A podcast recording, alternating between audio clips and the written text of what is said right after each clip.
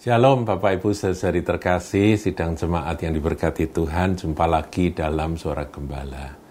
Saudara, saya mau mengajak saudara untuk merenungkan akan hal-hal praktis di dalam menjalani kehidupan sehari-hari sebagai orang Kristen. Firman Tuhan adalah pelita bagi kaki kita dan terang bagi jalan kita. Dan salah satu hal praktis yang perlu kita jadikan pedoman itu tertulis dalam Matius pasal yang ketujuh ayatnya yang ke-12 sampai 14. Mari kita lihat. Judul perikopnya Jalan yang Benar. Segala sesuatu yang kamu kehendaki supaya orang perbuat kepadamu, perbuatlah demikian juga kepada mereka. Itulah seluruh hukum Taurat dan kitab para nabi. Tuhan Yesus menyederhanakan akan semua uh, hukum Taurat dan kitab para nabi-nabi yang tebal, panjang, lebar ureannya itu saudara. Disederhanakan, diringkas dengan kalimat segala sesuatu yang kamu kehendaki orang perbuat kepadamu, perbuatlah demikian juga pada mereka. Jadi saudara ingin diperlakukan dengan sopan, maka berlakulah sopan. Tuhan ingin uh, dibikin senang, buatlah orang lain senang. Saudara uh, ingin diterima, terimalah orang, semua orang, orang lain.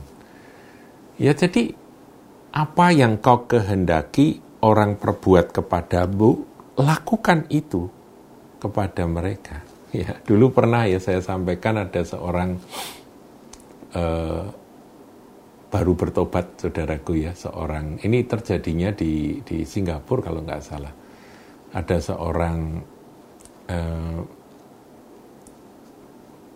bapak ya, dia seorang laki-laki India ya, kulitnya agak hitam, dia oh, kemudian berjumpa dengan Kristus, dia bertobat dan dia cari gereja, dia masuk ke gereja.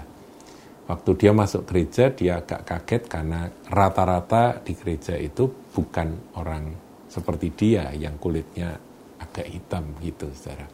Rata-rata orang Chinese. Nah, kemudian dia waktu masuk, dia merasa kurang diterima, tidak nyaman, saudara karena dia berbeda kan. Ya, dia jiwa baru masih berapi-api menyala-nyala dia baca firman. Begitu dia membaca ayat ini, dia langsung putar balik akan paradigmanya.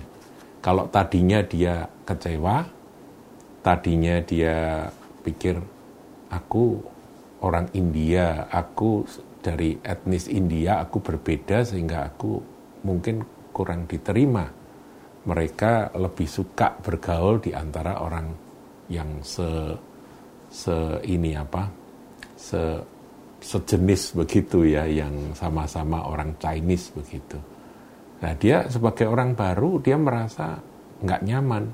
Tapi begitu dia baca ini saudara dia berpikir begini, ini harus aku lakukan.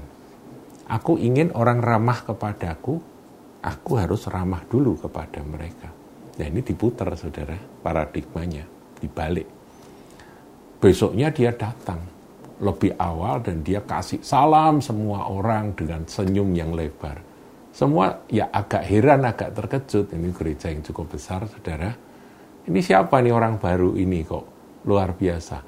Tapi dengan apa yang dia lakukan, dia menyapa, dia dia say hello, kemudian dia juga uh, berkata aku bisa bantu apa? Gitu ya. Apakah aku boleh ikut uh, bersih-bersih atau mem membagi uh, ini apa selebaran ini dan sebagainya?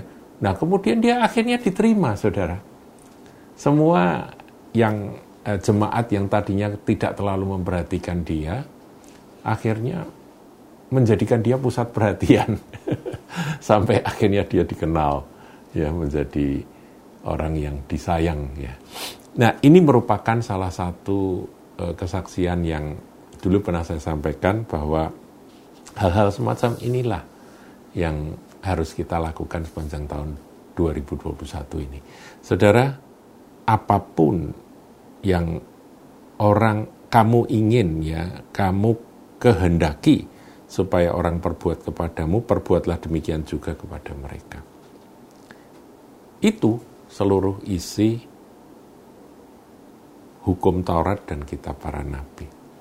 Kemudian ayat 13. Masuklah melalui pintu yang sesak itu, karena lebarlah pintu dan luaslah jalan yang menuju kepada kebinasaan dan banyak orang yang masuk melaluinya.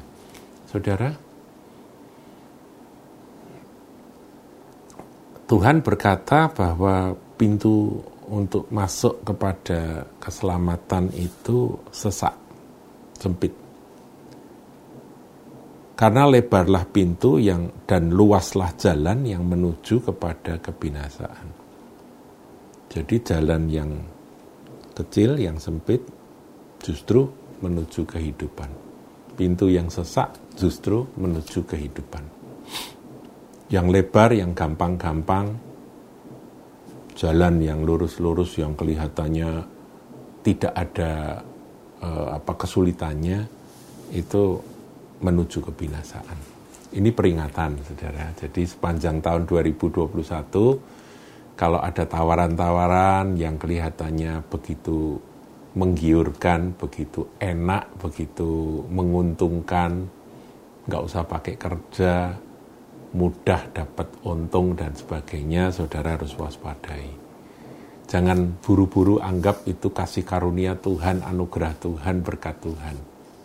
Bisa-bisa itu kelihatannya aja uh, indah di di permukaan enak didengar tapi sebetulnya itu adalah jalan lebar yang menuju kebinasaan.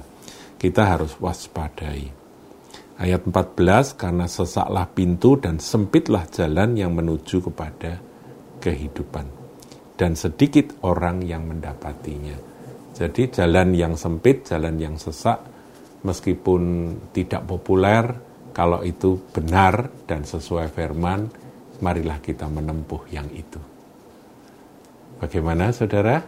2021 kita harus waspada dan kita pakai akan nasihat Tuhan dalam hal-hal praktis ini.